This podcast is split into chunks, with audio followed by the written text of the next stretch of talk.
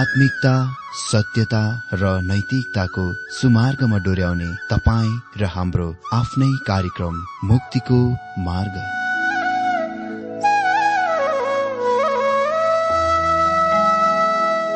आदरणीय श्रोता यस मुक्तिको मार्ग कार्यक्रममा हार्दिक स्वागत छ। आशा छ यस आत्मिक कार्यक्रमद्वारा जीवनमा आत्मिक आशिष अलौकिक शान्ति र आनन्द प्राप्त गर्नुहुनेछ। र जीवनमा धन्य अनुभव गर्नुहुनेछ। आउनुहोस् श्रोता मन र आत्माको तयारीको लागि यो मिठो अनि मधुर भजन गीत सुनौ।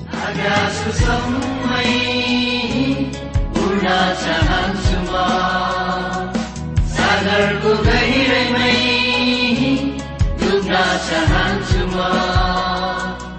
अझै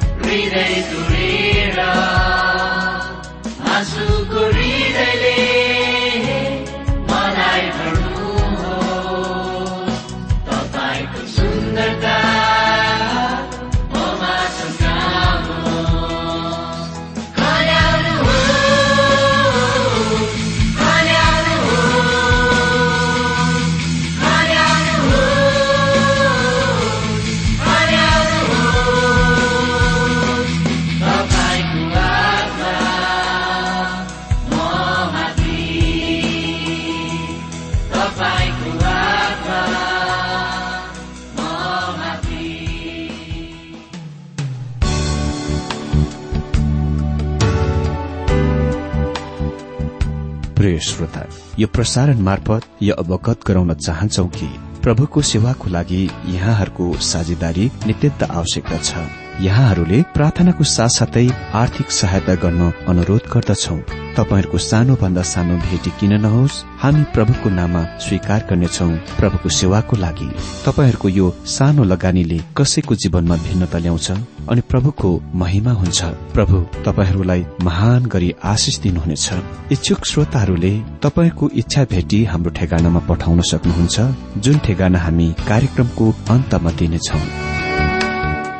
प्रिय श्रोता मित्र आज पनि मेरो नमस्ते यहाँ सबैलाई अनि हार्दिक स्वागत छ यो बाइबल अध्ययन कार्यक्रममा। आजदेखि हामी प्रकाश चार अध्यायबाट बाइबल अध्ययन आरम्भ गरिरहेका छौं।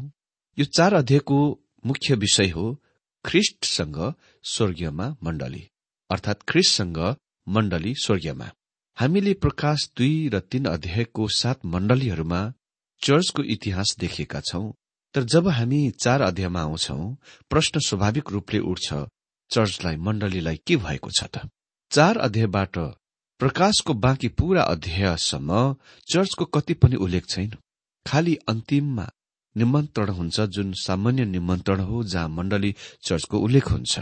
वास्तवमा त्यस सामान्य निमन्त्रणाको यो पुस्तकको क्रमसँग गर्नुपर्ने कुनै कुरा छैन। यहाँबाट उता तपाईँ चर्च वा मण्डली उल्लेख भएको पाउनुहुने छैन। यस बिन्दुसम्म चर्च वा मण्डली शब्द पटक पटक उल्लेख भएको छ। वास्तवमा उन्नाइस पल्ट उल्लेख भएको छ। तर अहिले मण्डली बादलमा उठाइ लगिएको छ त्यसको कति पनि उल्लेख अब छैन। त्यो आफ्नो प्रभुलाई बादलमा भेट्न स्वर्गीय यात्रामा उठाइ लगिएको थियो। मण्डली स्वर्गीयमा गइसकेको छ। त्यो नै मण्डलीलाई भएको छ। स्वर्गीय यात्राले फिलेडेल्फिया मण्डली समय अवधिमा स्थान लिन्छ अनि यता पृथ्वीमा निरन्तर रहिरहने मण्डली भनाउँदो मण्डली चाहिँ खालि एक संगठन मात्र हो। त्यो महाक्लेश अवधिमा भएर जानेछ र हामी अन्तिममा यसलाई महान बेस्या भनिएको सुन्न गइरहेका छौं। ओ कस्तो भयानक नाम। वास्तवमा बाइबलमा सबभन्दा डरलाग्दो तस्विर प्रकाश सत्र अध्यय हो। के हामी फेरि मण्डलीलाई देख्न गइरहेका छौं? हजुर त्यो कति पनि चर्च वा मण्डली होइन। त्यो खाली दुलही हो जो आफ्नो पतिको लागि सुसञ्जित छन्। अध्याय चारदेखि बाइसले यो अद्भुत पुस्तकको अन्तिम प्रमुख विभाजनको बताउँछ। युहान्नालाई यो पुस्तकको विभाजनको दर्शन दिएका थिए र उसले हामीलाई यसको दिए। हामीले यसको चुकाउनु हुँदैन किनकि उहाँले एक अध्यय उन्नाइस पदमा भन्नुभयो तिमीले देखेका कुरा भइरहेका कुराहरू र पछि हुने कुराहरू लेख। यो हो माटा टाउटा जुनको अर्थ हो यी कुराहरूपछि प्रकाश एक अध्यय एक पदको चाँडै हुनुपर्ने कुराहरू। प्रकाश एक अध्यय उन्नाइस पदको यी कुराहरूपछि हुने कुराहरूसँग मेल खान्छ। मिल्दो जुल्दो छ। दुवै ग्रीकमा मेटा टौटा हो। यसबाट सम्पूर्ण अलग्गै दृश्य र विषयतिर परिवर्तनको संकेत गर्दछ। धेरै ध्यान खिच्ने तथ्यहरूले यसलाई स्वयंसिद्ध बनाउँछ कि हामी चार अध्यायबाट शुरूआत नयाँ विभाजनतिर बढ्छौं। वातावरण र स्थिति मूलभूत रूपले परिवर्तन हुन्छ। पहिलो मण्डली चर्च संसारमा कति पनि देखिँदैन। यद्यपि चार अध्ययसम्म संसारमा मण्डलीको उन्नाइस पल्ट उल्लेख भएको थियो। वास्तवमा प्रकाश दुई र तीन अध्यायको विषय संसारमा मण्डली चर्च भएको छ तर प्रकाश चार अध्यायदेखि प्रकाशको अन्तसम्म मण्डली वा चर्च संसारसँगको सम्बन्धमा एकपल्ट पनि उल्लेख भएको छैन। अन्तिम र एक्लो उल्लेख प्रकाश बाइस अध्याय सोह्र पद अनुसार मानिसको सानो दिनको अन्त भएपछि निष्कर्ष साक्षी हो। ख्रिस्ट आफ्नाहरूलाई भन्नुभयो युहना सत्र दिएको सोह्र पदमा तिनीहरू संसारका होइनन् जस्तो कि म संसारको होइन। उहाँले आज आफ्नाहरूलाई भन्नुभयो युहना दिएको तीन पदमा म फेरि आउनेछु र तिमीहरूलाई म कहाँ लिनेछु? जहाँ म छु त्यहाँ तिमीहरू पनि हुनेछौ। दोस्रो दृश्य निश्चय नै चार अध्यायमा स्वर्गतिर सर्दछ। जबकि चर्च मण्डली अझै विषय भएकोले हामी यसलाई अहिले नयाँ घरतिर अर्थात स्वर्गतिर पछ्याउँछौ। कसरी मण्डली चर्च स्वर्गीयमा प्रवेश पाए त? यो असल प्रश्न हो र पाओले यसको उत्तर दिन्छन्। पहिलो थिस्लो निकी अध्यय सत्र पदमा त्यसपछि हामी जीवित र रहिरहेकाहरू हावामा प्रभुलाई भेट्नको निम्ति उनीहरूसित एकसाथ बादलमा उठाइनेछौ। अनि यसरी हामी सधैँ प्रभुको साथमा रहनेछौ। उसले पहिलो कुरन्ती पन्ध्र अध्यायको एकाउन्न र बाहुन पदमा क्रिया सञ्चालनको वर्णन गर्छन्। हेर एउटा रहस्य म तिमीहरूलाई बताउँछु। हामी सबैजना सुति जाने छैनौं तर हामी सबै बदली हुनेछौ। एकैछिनमा आँखाको झिमिकमा आखिरी तुरही बजाइन्दछ किनकि तुरही बज्नेछ र मरेकाहरू अविनाशी दशामा बौराइनेछन् र हामी चाहिँ बदली हुनेछौ। विश्वासले पापीलाई लन्चिङ पेड वा रकेट छोड्ने मञ्चमा राख्छ अर्थात प्रली चर्चको सञ्चालित मिसाइल वा प्रक्षेपणमा राख्दछ जुनबाट उनी बादलमा प्रभुलाई भेट्न जानेछ। सन्तहरू स्वर्गीयको खुला ढोकामा प्रवेश गर्छन्।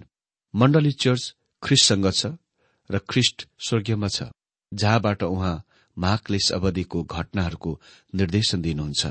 जुनको बारे जुनको हामी देख्न गइरहेका छौं प्रकाश छ अध्यायमा जब हामी प्रवेश गर्छौं।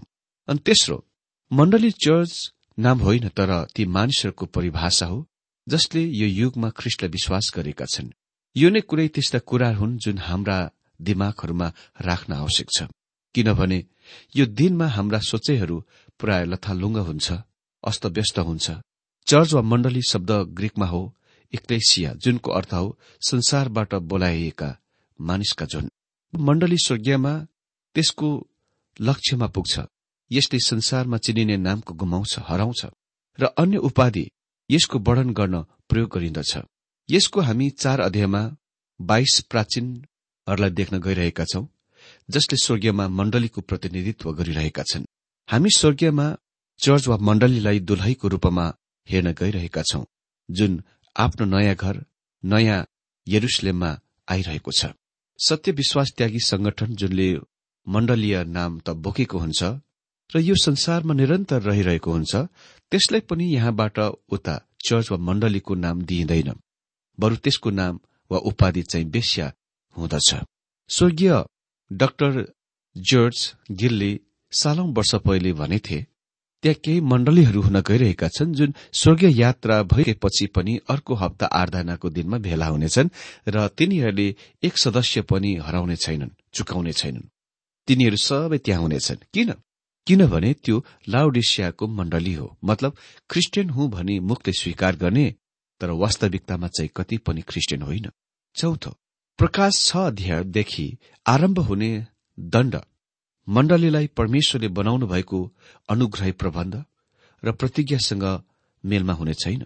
यदि मण्डली संसारमा रहिरहे यसले परमेश्वरको अनुग्रहलाई व्यर्थ गराउने थियो किनभने उहाँले हामीलाई दण्डबाट मुक्त गर्ने प्रतिज्ञा गर्नुभएको छ। पाँच अन्तिममा तीन अध्यायदेखि निरन्तर चार अध्याय जारी राख्नु र त्यहाँ विराम वा परिवर्तनको थाहा नगर्नु यस पुस्तकमा पाइने सामान्य र स्वाभाविक विभाजनको व्यवस्था गर्नु हो जुन एक अध्यायको उन्नाइसमा लेखिएको छ। जब हामी यो सम्पूर्ण दण्ड र क्रोध सहितको पुस्तकको अन्तिम विभाजन खण्डमा आउँदछौ हाम्रा दृष्टिकोणमा यो कुरा राख्दा उक्तम हुनेछ। येशु ख्रिष्ट मुख्य केन्द्रका हुनुहुन्छ। उहाँले सम्पूर्ण घटनाहरूको निर्देशन गरिरहनु भएको छ जब उहाँले तिनीहरूलाई सफल तर निर्धात निष्कर्षमा ल्याउनुहुन्छ। प्रकाश सात अध्यय सत्र पदमा सिंहासनको बीचमा थुमा हुनुहुन्छ। उहाँ थुमा हुनुहुन्छ किनभने उहाँ संसारको पापहरूको लागि मर्नुभयो। र उहाँ नै एक हुनुहुन्छ जसले न्याय गर्न गइरहनु भएको छ। यी कुराहरूपछि मण्डलीका कुराहरूको अन्त भएपछि दृश्य पृथ्वीदेखि स्वर्गतिर सर्दछ। यो मौलिक बदलाव वा परिवर्तन हो। तर परमेश्वरको वचनले स्वर्गीयमा क्रियालापहरू र मानिसका व्यक्तिहरू उही सामान्य रूपमा वर्णन गर्दछ जस्तो कि यसले पृथ्वीमा तिनीहरूको वर्णन गर्यो। अन्धविश्वास वा रहस्यमा त्यहाँ कुनै तन्काई मर्काई वा उल्झन छैन। विशाल खाडीमाथिको पुल आसन र श्रदाय स्वयंसँग पार गरिन्दछ। केवल पवित्र आत्माले स्वर्गीयमा भएका कुराहरूको सजिलो सहजतासँग वर्णन गर्न सक्नुहुन्छ जस्तो उहाँ पृथ्वीमा भएका कुराहरूको वर्णन गरिदिनुहुन्छ। यदि मानिसले यो पुस्तक लेखेका भए के हुने थियो। तपाईँ थाहा पाउनुहुनेछ जुन क्षणमा उनी स्वर्गीय दृश्यमा प्रवेश गर्थे उसँग भन्ने अविवेकी अप्रसंगिकी प्रकारका कुराहरू हुने थियो। म त्यसको कसरी जान्दछु त? हजुर आज उपलब्ध हुने पुस्तकहरू गर्नुहोस्। जुनले संसारमाथि र संसार मुनिका र अदृश्य संसारको वर्णन गर्न कोसिस गर्दछन् तिनीहरू सधैँ छक्कै पार्ने कुराहरू हुन्। भन्नु नै पर्दा यस पहुँचको प्रयोग एक तरिका हो हामी जान्न सक्छौ कि त्यो पुस्तक गलत बेठिक केही क्रिस्चियनहरूले वा क्रिस्चियनहरूको बीचमा पनि आज दुष्ट आत्मा र शैतानको विषय भयानक मनलाई ग्रस्त पार्ने कुरा भएको छ। मसँग त्यस प्रकारका कुरासँग कुनै सम्बन्ध लेनदेन छैन। मलाई धेरै जसो सोधिएका छन् कि मैले यस विषयमा पुस्तक किन नलेखेको। हजुर मैले सर्वप्रथममा एकपल्ट त सोचेथे कि यस विषयमा पुस्तक लेख्नेछु। तर जब धेरै पुस्तकहरू बाहिर आउन आरम्भ भयो। ती प्राय सबै पुस्तक अविवेकी र अप्रासंगिक र सनसनीपूर्ण कुरासँग व्यवहार गर्दथे। मैले आफ्नो मन बदले विचार बदले। तपाईँसँग यहाँ प्रकाशमा सनसनीपूर्ण केही कुरा छैन। हामी खालि स्वर्गतिर बढ्छौं अनि दृश्य विस्मय प्रेरित गर्ने कुरा छ छक्क पार्ने कुरा छ। तर यहाँ त्यो कुराको चाहिँ कमी छ जुन मानिसले त्यसमा लगाउँछन् हाल्दछन्। मण्डली त्यसको सुप्रसिद्ध नाममा देखिँदैन जुन त्यससँग संसारमा थियो। तर अहिले महान प्रधान पुजारीसँग विश्वासीहरूको लागि पुजारित्व छ। स्वर्गीय दृश्यहरूले र स्वर्गीय प्राणीहरूले यो खण्डमा चारदेखि पाँचमा हामीलाई स्वागत गर्छ। हाम्रो ध्यान पृथ्वीमा खिचिनुभन्दा पहिले जहाँ महाक्लेशको शुरूआत वा खोलाइमा चार घोड सवारहरू सवार गर्दछन्। मित्र हामी बाइबल अध्ययन आज प्रकाश चार अध्यय एकदेखि तीन पदबाट देख्नेछौ गर्नेछौ यहाँ हामी देख्छौ परमेश्वरको सिंहासन। ख्रिस्टिया उहाँका तीन तहका कार्यभार पदमा देखिन्दछन् अर्थात भविष्यवक्ता पुजारी अनि राजा। उहाँलाई परमेश्वरको रूपमा आराधना गरिन्दछ किनभने उहाँ परमेश्वर हुनुहुन्छ। प्रकाश चार अध्ययको एक पदमा लेखेको छ यसपछि मैले हेरे र स्वर्गीयमा एउटा ढोका देखे जो खुला थियो। मैले पहिले सुनेको स्वर तुरहीको जस्तो आवाजमा मसँग यसरी बोलिरहेको थियो यता माथि आऊ र अब यसपछि जुन कुराहरू हुनुपर्छ सो म तिमीहरूलाई देखाइदिनेछु। यी कुराहरूपछि ग्रीकमा मेटा टाउटा यहाँ दुईपल्ट प्रयोग गरिएको छ। यो दुवै यस पदलाई खोल्छ र बन्द पनि गर्छ। यो दोहोऱ्याइले निश्चय नै यस कथनको महान जोड र महत्वको दिन्छ। थप्छ। मैले हेरे यो आँखा ढोका हो। मैले सुने यो कान ढोका हो। यो चाहिँ टीभी कार्यक्रम जस्तै हो जुनमा हामी हेरिरहेका हुन्छौं र सुनिरहेका हुन्छौं। यो सबभन्दा प्रथम महान टीभी कार्यक्रम हो। यो स्वर्गीय बाटोको टीभी कार्यक्रम हो। यसले विश्वासीहरूलाई यस विषयमा धेरै रुचि दिलाएको हुनुपर्छ र कुनै प्रकारको सपना जस्तो अविवेकी अप्रासंगिक कुराहरूतिर हामीलाई डोर्याउने पार्नु हुँदैन। स्वर्गीय वास्तविक स्थान हो। त्यहाँ धेरै वास्तविकता छन्। र अहिले यहाँ हाम्रो सामने भएको यस दृश्यमा चिन्तित वा व्यग्र हुनु हुँदैन। हामीले यसलाई साधारण सामान्य तरिकामा लिनुपर्छ पकड्नुपर्छ। मित्र तपाईँको बारेमा त जान्दिन तर म निश्चय नै यसको बारेमा अति नै उत्साहित हुन्छु। मैले हेरे स्वर्गीयमा एउटा ढोका खोलेको थियो। यो प्रकाशको पुस्तकमा चार स्वर्गीय ढोका खोलेको मध्ये एक हो। पहिलो प्रकाश तीन अध्ययको आठ पदमा फिलेडेल्फिया मण्डलीसँग बोल्नुहुँदा प्रभु भन्नुहुन्छ मैले तिम्रा सामु एउटा खुला ढोका राखेको छु। यो यस्तो देखाइ पर्दछ कि यसले परमेश्वरको वचन बाहिर दिने कामको लागि अवसरको ढोकाको संकेत गर्दछ। दोस्रो ख्रिससँग पहिचान र निमन्त्रणाको खुला ढोका। प्रकाश तीन अध्यय बीस पदमा लेखिएको छ हेर म ढोकामा उभिएर ढकढकाउँछु कसैले मेरो स्वर सुनेर ढोका खोलिदियो भने म त्यस कहाँभित्र पस्नेछु र त्यससँग भोजन खानेछु र त्यसले मसँग खानेछ। त्यो ढोका चाहिँ तपाईँको हृदयको ढोका हो। अनि यहाँ चार अध्ययको एक पदमा हामीसँग खुला ढोका छ जुन ख्रिस्टद्वारा परमेश्वर कहाँ पुग्ने बाटो हो। जुनको पछिबाट देख्नेछौ। चौथो प्रकाश उन्नाइस अध्यय एघार पदमा हामी फेरि स्वर्गीयमा खुला ढोकाको देख्छौं। त्यो खुला ढोका हो जुनद्वारा ख्रिस्ट दोस्रो आगमनमा आउनुहुनेछ वा महाक्लेशको अन्ततिर परमेश्वरको विरूद्ध सम्पूर्ण अधार्मिकता विद्रोहको खत्तम गर्न र आफ्नो राज्यको स्थापन गर्न पृथ्वीमा आउनुहुन्छ। मित्र यहाँ चार अध्ययको एक पदमा उल्लेखित ढोका सधैँ खोलेको ढोका खुला ढोका थियो। यो नै ढोका हो जुनद्वारा विश्वासीहरू करिब दुई हजार बाह्र वर्षदेखि परमेश्वर कहाँ आएका छन्। योहान्ना चौध दिएको छ पदमा येशु प्रभु भन्नुहुन्छ बाटो सत्य र जीवन मनै हो। कोही पनि पिता कहाँ आउन सक्दैनन् तर मद्वारा मात्र। उहाँले युहान दश अध्ययको नौ पदमा भन्नुभयो म ढोका हुँ। मद्वारा यदि कोही भित्र प्रवेश गर्दछ भने उसले उद्धार पाउनेछ र भित्र र बाहिर गर्नेछ र खर्क पाउनेछ। स्वर्गीयको खुला ढोका प्रभु येशु ख्रिष्ट हुनुहुन्छ। उहाँ पनि त्यो जन हुनुहुन्छ जो तपाईँको हृदयको ढोकातिर आउनुहुनेछ। यो अद्भुत कुरा हो र यो सबैको महिमित कुरा हो। हामी विश्वासद्वारा प्रवेश गर्छौं। हामी ख्रिस्टद्वारा स्वर्गीयमा प्रवेश गर्नेछौ। यदि मानिसले जुनमा चन्द्रमामा रकेटद्वारा जान सक्छ भने मलाई लाग्दैन कि विश्वासीहरूलाई यसुले स्वर्गीयमा उठाइ लाने कुरामा कुनै उल्झन छ। कठिनै छ। भनेको छ यहाँ माथि आऊ। यो युहान्नालाई स्वर्गीयको निमन्त्रणा हो। यो सम्पूर्णलाई निमन्त्रणा हो जसले ख्रिस्टलाई उद्धारकर्ताको रूपमा जान्दछन्। युहान्नाले पहिले युहान्ना एक अध्यय तीन पदमा लेखे तिमीहरूले पनि हामीसँग संगति पाऊ भनेर हामीले जे देखेका र सुनेका छौं सो कुरा तिमीहरूलाई सुनाउँछौ। अनि हाम्रो संगति साँच्चै पितासँग र उहाँको पुत्र येशु ख्रिससँग छ युहान्ना भावमा भनिरहेका छन् हामीले यसको सुन्यौं हामीले यसको देख्यौं र यो हामी तिमीहरूलाई सुनाउँछौ। म यो तिमीहरूलाई जानकारी दिइरहेको छु ताकि तिमीहरूले पनि संगति गर्न सक र यी कुनै दिनमा तिमीहरू त्यस खुला ढोकामा भएर माथि स्वर्गीयमा गइरहेका हुनेछौ। भनिएको छ अनि पहिला आवाज जो मैले सुने त्यो मसित बोलिरहेको तुरहीको जस्तो थियो। यो त्यो आवाज हो जुनले ख्रिस्टलाई बादलमा भेट्न बोलाउँदछ। अनि यो कसको आवाज हो? यो ख्रिस्ट स्वयंको आवाज हो। यसले हामीलाई एक साधारण प्रतिको परिचय गराउँदछ जुन पटक पटक यहाँबाट प्रकाशको पुस्तकमा उल्लेख भएको छ।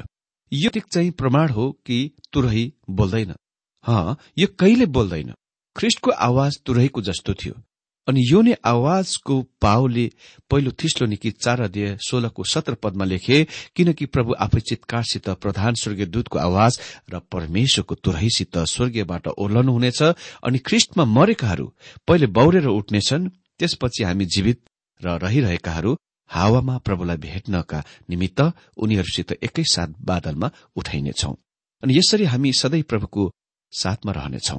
यो स्वर्गीय यात्राको अंग्रेजीमा ऱ्याप्चर भनिन्छ यसको कथन हो। जब कसैले तपाईँलाई भन्छ स्वर्गीय यात्रा वा ऱ्याप्चर बाइबलमा छैन। यो कुराको याद राख्नुहोस् कि उठाइने छ को ग्रीक शब्द हो हर्पाजो। यो मतलब माथि उठाइनु वा झट्टै थुतेर लैजानु। हल लिन्डसेले स्वर्गीय यात्रा वा ऱ्याप्चरलाई ठूलो महान झट्ट थुताई वा झट्ट लिने कुरामा बुझ्दछन् र भन्छन्। मलाई लाग्छ यो आज जवान मानिसहरूको लागि यो असल शब्दकोश हो। तर म चाहिँ माथि उठाई परिभाषाको मन पराउँछु। यसको मतलब ऱ्याप्चर वा स्वर्गीय यात्रा हो। यदि तपाईँलाई स्वर्गीय यात्रा वा ऱ्याप्चर शब्द मन पर्दैन भने तब यसलाई हरपाजो भन्नुहोस्। त्यो नै पाओले त्यसको नाम दिए। हामी उठाइ लगिनेछौ र उहाँको आवाज तुरै जस्तै हुनेछ र कुनै दिन यसले हामीलाई खिच्नेछ। भनिएको छ र म तिमीहरूलाई ती कुराहरू देखाउनेछु जो यी कुराहरू पछि हुनुपर्नेछ। ती कुराहरू पछि के त? चर्च वा मण्डलीले त्यसको संसारिक दौड पूरा गरिसकेपछि र स्वर्गीयमा उठाइ लगेपछि दुई पदमा लेखिएको छ म तुरुन्तै आत्मामा भएँ। हेर स्वर्गीयमा एउटा सिंहासन थियो र एकजना त्यहाँ सिंहासनमा विराजमान हुनुहुन्थ्यो। तुरुन्तै यसले समयको संक्षिप्तताको सूचित गर्छ। जुन स्वर्गीय यात्राको चरित्र चित्रण गर्ने कुरा वा विशेषता हो पाओले भने पहिलो कोरन्थी पन्ध्र देहको एकाउन्न र बाहुन पदमा हामी क्षणभरमै आँखाको झिम्कैमै उठाइ लगिनेछौ आँखाको झिम्काई अति नै छोटो समय अवधि हो। त्यसरी नै स्वर्गीय यात्रा हुन गइरहेको छ। तुरुन्तै झट्टै भनिएको छ म आत्मामा थिएँ। अर्को शब्दमा पवित्र आत्माले योहानालाई नयाँ सत्यतातिर यहाँ डोराइको मार्गदर्शन गरिरहेको छ र आउने कुराहरू देखाइरहेको छ। स्वर्गीयमा एउटा सिंहासन बसालियो र सिंहासनमा एकजना बस्नुभयो। मित्र त्यहाँ सिंहासन पहिले नै थियो तर युहानाले पहिलोपल्ट यसको देख्छन्। हाम्रो ध्यान अहिले आकर्षणको केन्द्रतिर निर्दिष्ट गरिएको छ। सिंहासनले परमेश्वरका विश्वव्यापी सर्वभाव सत्ता र शासकताको प्रतिनिधित्व गर्दछ। यसको मतलब उहाँ नियन्त्रणमा हुनुहुन्छ।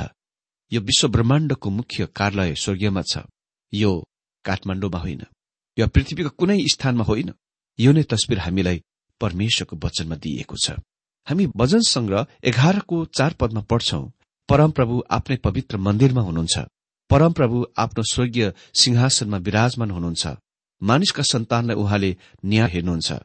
उहाँले आफ्ना आँखाले तिनीहरूको जाँच गर्नुहुन्छ। यो परमेश्वर पिताको सिंहासनमा येशु उहाँको दाहिने हातमा विराजमान हुनुहुन्छ। भजन संग्रह एक सौ दसको एक पदले हामीलाई भन्छ परमप्रभुले मेरो परमप्रभुलाई भन्नुहुन्छ तिमी मेरो दाहिने हातपट्टि बस। जबसम्म म तिम्रा शत्रुहरूलाई तिम्रा खुट्टाको पौदान तुल्याउँदिन प्रभु येशु यहाँ सम्पूर्ण घटनाहरूको नियन्त्रणमा हुनुहुन्छ। अनुग्रहको सिंहासन अहिले दण्ड वा न्यायको सिंहासन बन्दछ। यो अर्को कारण हो कि म एकदम निश्चित रूपले भन्दछु कि मण्डली संसारबाट गइसकेको छ जब यसले स्थान लिँदछ। यदि मण्डली अझै पृथ्वीमा रहिरहेको भए जब ख्रिस्टले अन्तर्विन्तीको स्थान छोड्नु भएको छ र दण्ड वा न्यायको स्थानमा आउनु भएको छ उहाँ मण्डलीको लागि गलत हातमा हुनुहुन्छ। त्यसकारणले गर्दाखेरि यो बेलासम्म मण्डली पहिले नै स्वर्गीयमा उठाइ लगिएको छ। चार अध्यायको तीन पदमा भनिएको छ त्यहाँ विराजमान हुनुहुनेको मुहार बिल्लौ र लाडमणी जस्तै देखिन्थ्यो र सिंहासनको वरिपरि पन्ना जस्तो इन्द्रेणी थियो। यहाँ हामीले देख्ने सबै कुरा चाहिँ बहुमूल्य अनमोल पत्थरहरू जस्तै सुन्दर रंगहरू हुन्। हामी परमेश्वरको तस्विर कति पनि पाउँदैनौ। उहाँ कहिले पनि फोटो खिच्नु भएको छैन। उहाँले हाम्रो ध्यान त्यस व्यक्तितिर निर्दिष्ट भएको छ जो सिंहासनमा बस्नु भएको छ। यद्यपि उहाँ परमेश्वर पिता हुनु भए तापनि हामीले यो त्रिएक परमेश्वरको सिंहासनको हो भनी बुझ्नुपर्छ। तथापि त्रिएकताका तीन व्यक्तिहरू भेद देखाएको छ यहाँ। पहिलो पद दुईमा र पाँचमा परमेश्वर पवित्र आत्मा दोस्रो यहाँ पद तीनमा परमेश्वर पिता र तेस्रो प्रकाश पाँच सदेखिको पाँच पदमा परमेश्वर पुत्र। यहाँ हाम्रो सामने त्रि एक परमेश्वर सिंहासनमाथि विराजमान भएको देख्छौ। योहानाले सिंहासनमा विराजमान व्यक्तिको रूपको भेद देखाएन। खालि अनमोल पत्थरहरूको चमक र चहकिला तेजस्वीका मात्र बताए। अनि जो बस्नुभयो उहाँ चाहिँ स्पटिक र लालमणी झैं देखिनुहुन्थ्यो। यहाँ लेखिएको छ बिल्लौर र लालमणी जस्तै स्पटिकलाई हामी बिलौर पनि भन्छौं। त्यहाँ विराजमान हुनुहुनेको मुहार बिल्लौर र लालमणी जस्तै देखिन्थ्यो। मित्र बिल्लौर वा स्पटिक पत्थर अन्तिम पत्थर थियो जुन प्रस्थान अठाइस सदेखिको बीस पद अनुसार प्रधान पुजारीको छाती पातामा खोपिएको हुन्थ्यो र पहिचान गरिएको थियो। त्यो नयाँ यरुसलेमको जगमा प्रथम वा पहिलो थियो र नयाँ यरुसलेमको पर्खालमा पहिलो देखिएको थियो। प्रकाश एक्काइस अध्यय अठार र उन्नाइस पद। त्यो धेरै रंगको पत्थर थियो र वैज्ञानिक रंग चाहिँ सर्वाधिक हुन्थ्यो। कसै कसैले यसलाई हिरासँग पहिचान गरेका छन्। त्यो इसरायलको प्रधान पुजारीको छाती पाटामा थियो। सानो विज्ञामिन कुलको प्रतिनिधित्व गर्दै जसलाई याकुबले मेरो दाहिनी हात भनेर बोलाएथे। सम्भवत यसले त्यस ख्रिष्टको बताउँछ जो स्वर्गीयमा उक्ति जानुभयो र पिताको दाहिने हातमा आफ्नो स्थान लिनुभयो। प्रकाश एक्काइस सदेखिको बीस पद अनुसार लालमणी पत्थर अर्थात अंग्रेजीमा सार्डाइन स्टोन। यो नयाँ यरुसलेमको जगमा छैटौं पत्थर हो। प्लिनी भन्छन् कि त्यसको सार्डिसमा पाइएको थियो जुनबाट यसले आफ्नो नाम पायो। सार्डाइन वा हिरामणी पत्थर प्रधान पुजारीको छाती पातामा पहिलो पत्थर थियो। जुनले याकुबको पहिलो जेठो छोरो रुबेनको कुलको प्रतिनिधित्व गर्दथ्यो अनि ख्रिष्ट परमेश्वरको पुत्र र मरेकाबाट जेठो हुनुहुन्छ। इन्द्रेणी यसको ग्रीक शब्द हो इरिस जुनको पनि अर्थ हुन सक्छ प्रभामण्डल वा नक्सामा देवदेवताको ईश्वरको टाउको वरिपरि देखिने प्रकाशको गोलो घेरा। जल प्रलयको दण्डपछि इन्द्रणी फेरि जल प्रलयले पृथ्वीलाई नष्ट नगर्ने परमेश्वरको करारको याद दिलाउने वा स्मरण गराउनेको रूपमा प्रकट भयो। त्यो त्यहाँ महाक्लेशको दण्डभन्दा पहिले अघि प्रकट हुन्छ। दण्डमा त्यस जल प्रलयको प्रयोग गरिने छैन भन्ने कुराको याद दिलाउने स्मरण दिलाउनेको रूपमा हरियो पृथ्वीको रंग हो। यहाँ विचार चाहिँ हबकुक भविष्य वक्ताको जस्तै छ। हबकुक तीनको दुई पदमा भनिएको छ क्रोधमा कृपाको याद गर्नुहोस् अनि परमेश्वरले निश्चय नै गर्नुहुनेछ। परमेश्वरले आजको यो अध्ययनद्वारा हरेकलाई धेरै धेरै आशिष दिनुभएको होस्।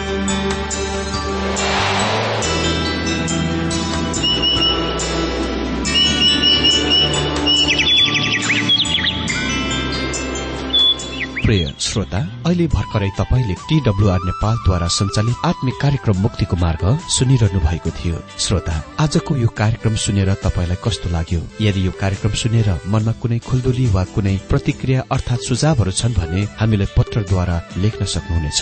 हामी हृदयदेखि नै स्वागत गर्नेछौ स्वीकार गर्नेछौ साथै बाइबल सम्बन्धित प्रचारहरू कार्यक्रम सारणीहरू हामी अनुरोधमा पठाउन सक्छौ। अनि तपाईँसँग कुनै प्रार्थनाको विषय छन् भने हामीले तपाईँको लागि प्रार्थना गरेको चाहनुहुन्छ। भने प्रभुमा आफ्नै परिवार सम्झेर हामीलाई पत्रमा लेख्न सक्नुहुनेछ। तपाईँको लागि हामी प्रभु येशुसँग प्रार्थना गर्नेछौ। अधिक जानकारी र पत्रचारको लागि हाम्रो ठेगाना यस प्रकार छ। कार्यक्रम मुक्तिको मार्ग जीपीओ नम्बर उनानब्बे पचहत्तर एपीसी पच्चिस एकसठी काठमाडौँ। ठेगाना एकपल्ट सुन्नुहोला कार्यक्रम मुक्तिको मार्ग जीपीओ नम्बर उनानब्बे पचहत्तर एपीसी पच्चिस एकसठी काठमाडौँ। हाम्रो इमेल एड्रेस हो TWR Nepal at Yahoo dot com साथै यस नम्बरमा एसएमएस गर्न सक्नुहुनेछ अन्ठानब्बे चार सत्तरी पैतिस छ सय उनासी नौ आठ चार सात जिरो तीन पाँच छ सात नौ। हुन्छ श्रोता आजलाई हामी विदा चाहन्छौ। अर्को कार्यक्रममा हामी पुनः भेट्नेछौ तबसम्मलाई नमस्कार।